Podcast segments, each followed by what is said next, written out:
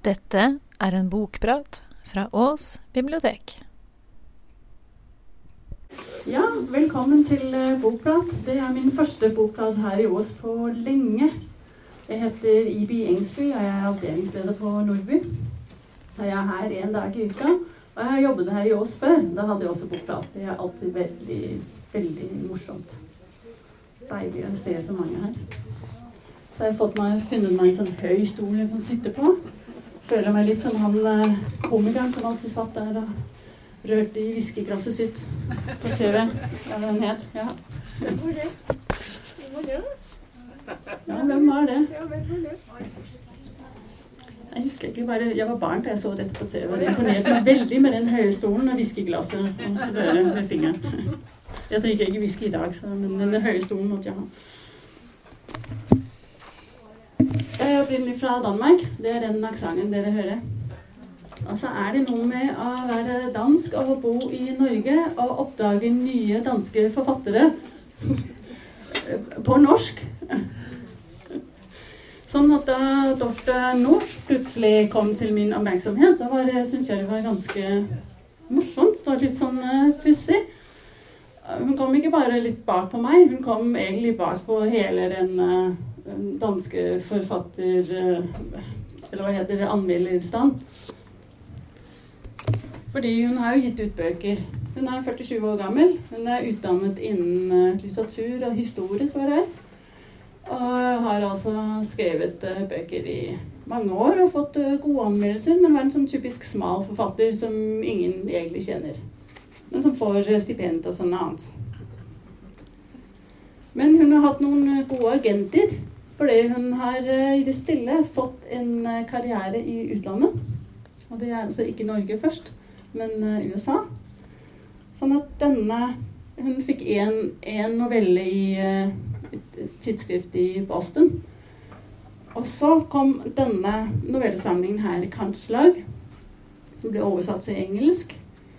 Og en av de novellene kom rett og slett på trykk i The New Yorker som det første stykket fiksjon av en danske noen gang. Ikke ble det noen av de andre kjente. Det ble Dorte Nors, 47 år og fra Jylland.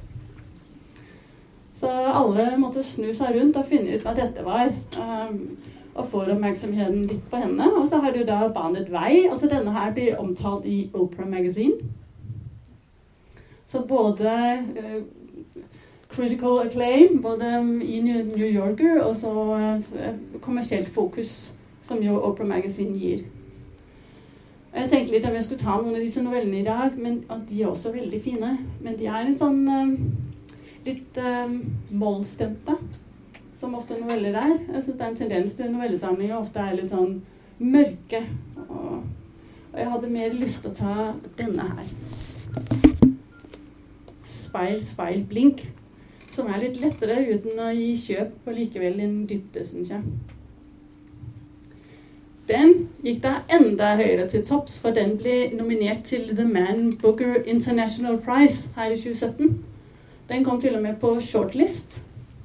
Og da, da ble hun superstar over natten. Tenkte jeg det.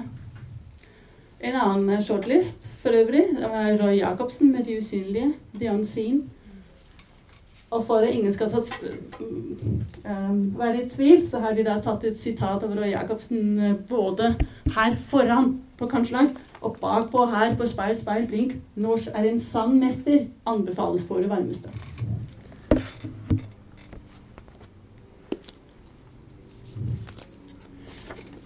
Hun er jo utdannet innen litteratur, og hun har lest mye. Og hennes eh, yndlingsforfattere det var de store svenske romanforfatterne som har de der eh, nesten verdensomspennende bøker som forteller så mye. Men som hun sier, så Hun kan ikke skrive sånn selv. Hun sier i intervju at um, det danske språket er velegnet til minimalisme. Fordi vi ikke har så mange ord, og så må vi gjenbruke dem vi har. Og vi må tale mellom linjene. Og så sier hun langsomt så etter hvert så utvikler jeg min egen skrivestil. Og man ser det, mine bøker blir tynnere og tynnere i en periode. Men en minimalisme med eget svensk eksistensialisme i sitt innhold og dansk estetikk i sin stil. Som hun sier, man kan forestille seg et glass med vann som holder på å løpe over. Overflatespenningene holder vannet tilbake. Det er min oppgave å helle nok innhold i glasset til at det nesten lever over. Men jeg skal sørge for denne her overflatespenningen holdes. Og det er stilen og estetikken, tonen, stemmen og språket som utgjør det. Nedenunder er det alt det som løper over. For jeg elsker minimalismen, sier hun. Den gir leseren mulighet for å føle med i teksten. Det er også derfor at folk leser ting ut av teksten som kanskje slett ikke står der. De fyller deres egne følelser og tanker inn i det som ikke beskrives og ses, men, men fornemmes i teksten. Så her, da. Speil, speil, blink. Det er kjøreopplæring. Det er Sonja, som faktisk i lik linje med forfatter Dorte Nors har eh, beveget seg fra sitt barndoms Jylland til eh, storbyen København.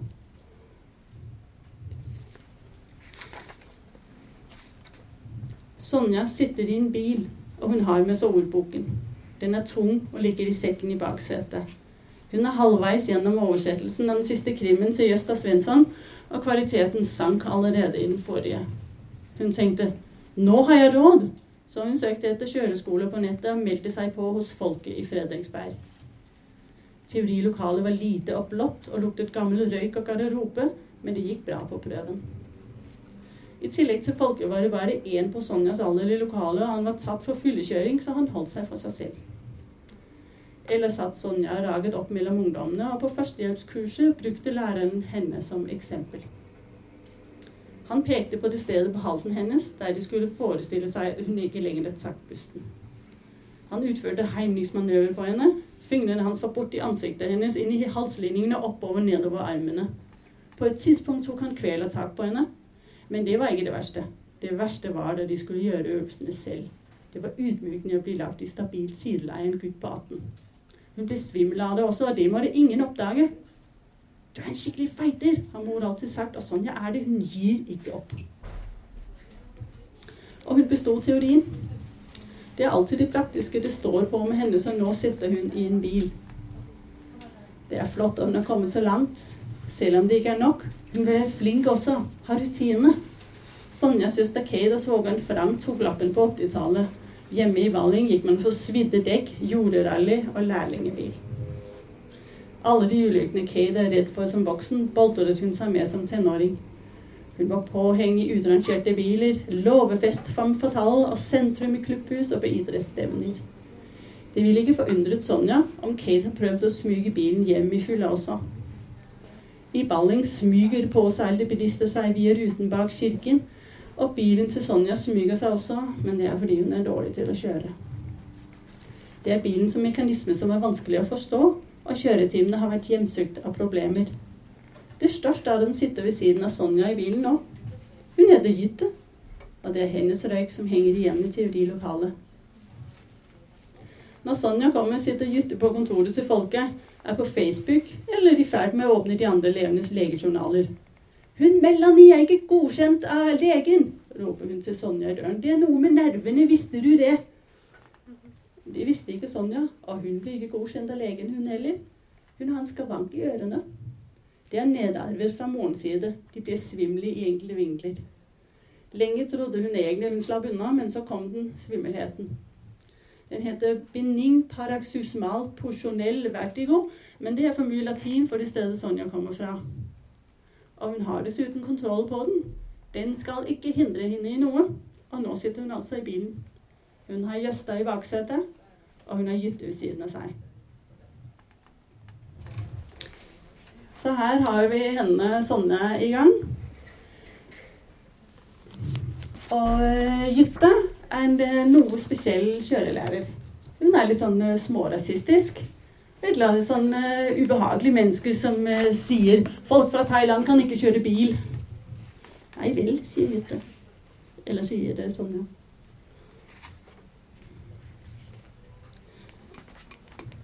Det eneste forsonende, syns Sonja ved Jytte, det er at Jytte hun er også fra Jylland.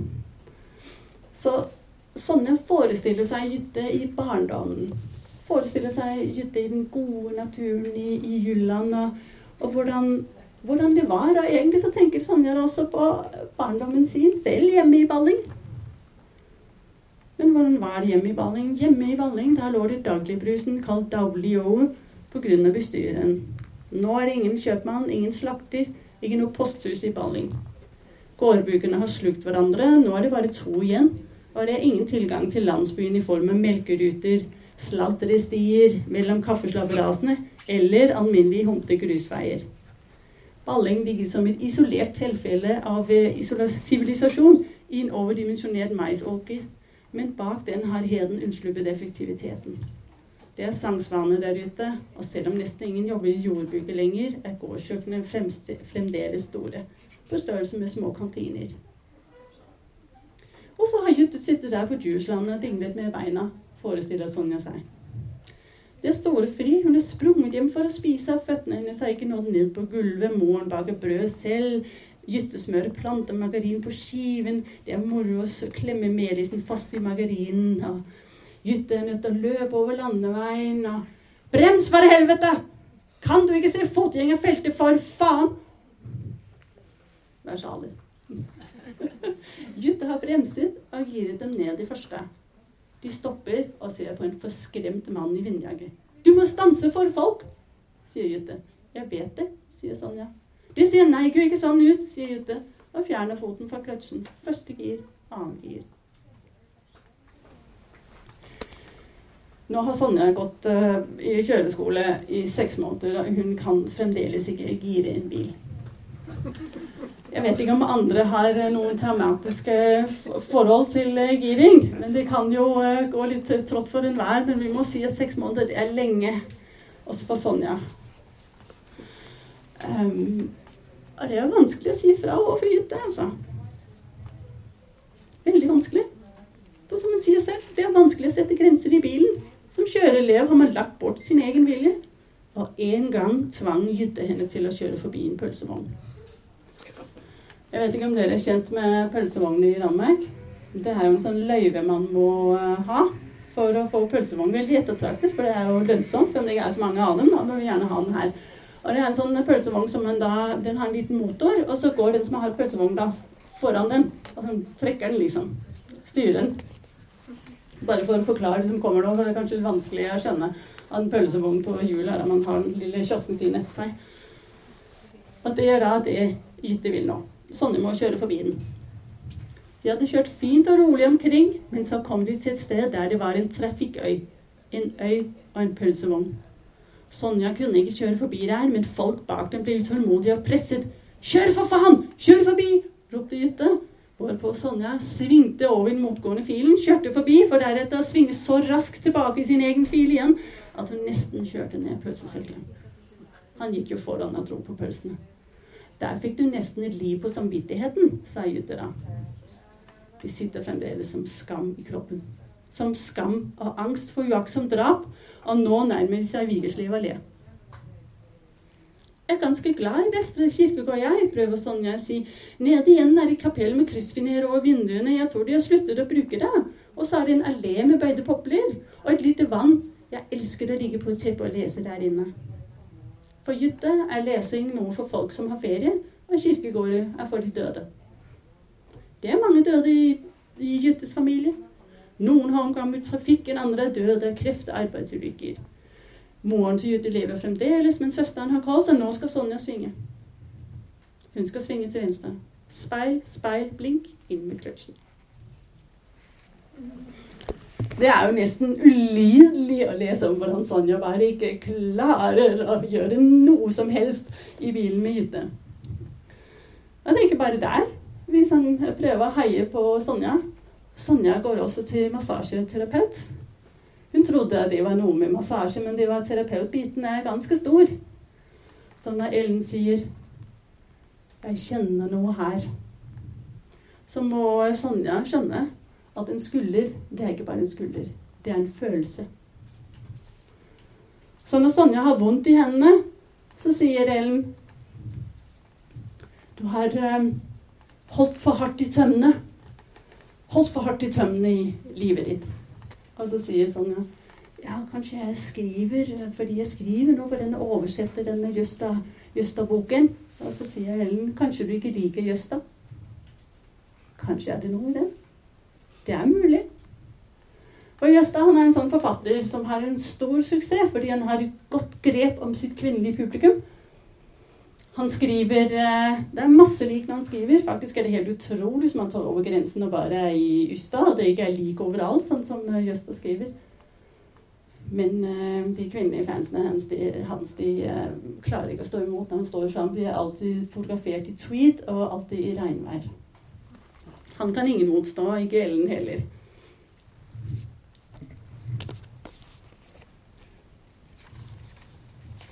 Men som Ellen sier til Sonja etter timen du, kan jo, eh, du skal få kvittering. Du kan jo trekke det fra. Du er jo selvstendig. Og Sonja smaker litt på det. Selvstendig. Hun har jo egen bedrift ikke sant? med å oversette med eget firma. Men selvstendig. Og det er altså sånn, det blir ikke utvurdert, men vi skjønner jo at hun er jo alt annet. men vi håper så veldig at hun skal liksom prøve å bryte ut. Og, ja. Så tenker hun mye på barndommen sin. Hun tenker hun har de utrolig vakre naturbeskrivelsene. hun tenker tilbake på heden og Jylland og hvordan det var. Det flykter hun litt tilbake i. Og altså det er morsomt, og så er det sårt. Og så er det også likevel ikke så sårt. Ja, jeg syns det var en utrolig, utrolig fin måte å beskrive det på. At uh, hun er et sted i sitt liv, og hun kanskje ønsker seg litt bort fra. Det er en veldig tydelig, tydelig metafor å lære å kjøre bil. Skifte gir i eget liv. ikke sant? Ta føringen. Den skjønner vi alle sammen. Og vi vet også det kanskje helt konkret og nødvendig for henne å lære å kjøre bil. For hvis hun skal tilbake til Juland, så må hun nok ha en bil. Kanskje må hun gjøre noe med hva hun jobber med òg.